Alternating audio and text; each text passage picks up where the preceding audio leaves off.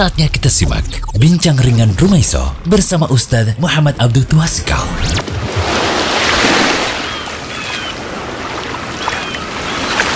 Ngapain aja lihat handphone terus, lihat surprise terus ya? Enggak, ini nih ada pernyataan yang rancu nih di medsos nih. Ini rada-rada bikin bingung nih kayak gini nih. Katanya di sini ada kalimat bersabar itu di atas musibah, bukan atas kezoliman. Ini gimana Ustaz ya? Karena dari tadi jadi Iya, ini saya gitu. juga dapat nih kayak begini nih. Udah Prihatin ya? sebenarnya saya baca ini. Ini ada kalimat lagi nih.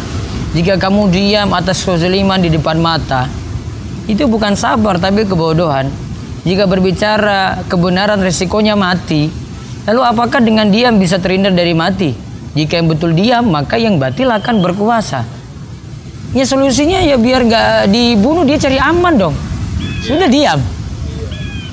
Dan kalau dia katakan di sini sabar, itu cuma pada musibah saja. Justru kezoliman juga itu suatu musibah. Kita sabar nggak?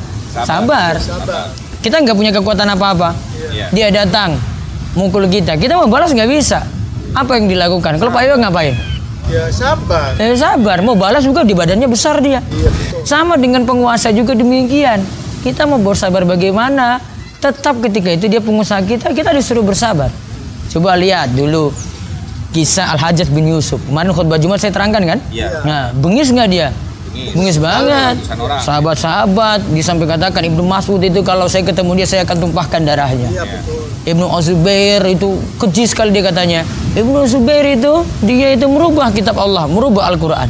Apa yang dilakukan oleh Anas ketika dengar kayak begini? Anas bin Malik itu katakan ketika dimintai nasihat dia bilang isbiru, sabar saja kalian. Jadi tetap Ya. sabar sama taat nih. Kuncinya Tetap taat. Karena apa? Kita posisinya bukan orang yang punya kekuatan. Ketika kita bersabar ini lebih maslahat dibandingkan dengan kita memberontak. Dan ini ingat prinsip akidah al-sunnah wal jamaah. Siapa pun pemimpinnya, pokoknya kita wajib dengar, taat, sabar dengannya. Dikarenakan kita ini rakyat mau memberontak, mudorotnya lebih besar. Maka jaga kata-kata yang baik. Pernyataan tadi ini bikin ada Iya, kejadian itu karena kurang memahami akidah Ahlussunnah wal Jamaah, makanya kita butuh berakidah dengan pemahaman salafus soleh. Seperti kesimpulan kita pelajari di situ di Roro kemarin. Ya, Allah ibarik fik, Masya Allah. Demikian Bincang Ringan Rumaiso. Simak terus bincang ringan lainnya hanya di rumaiso.com.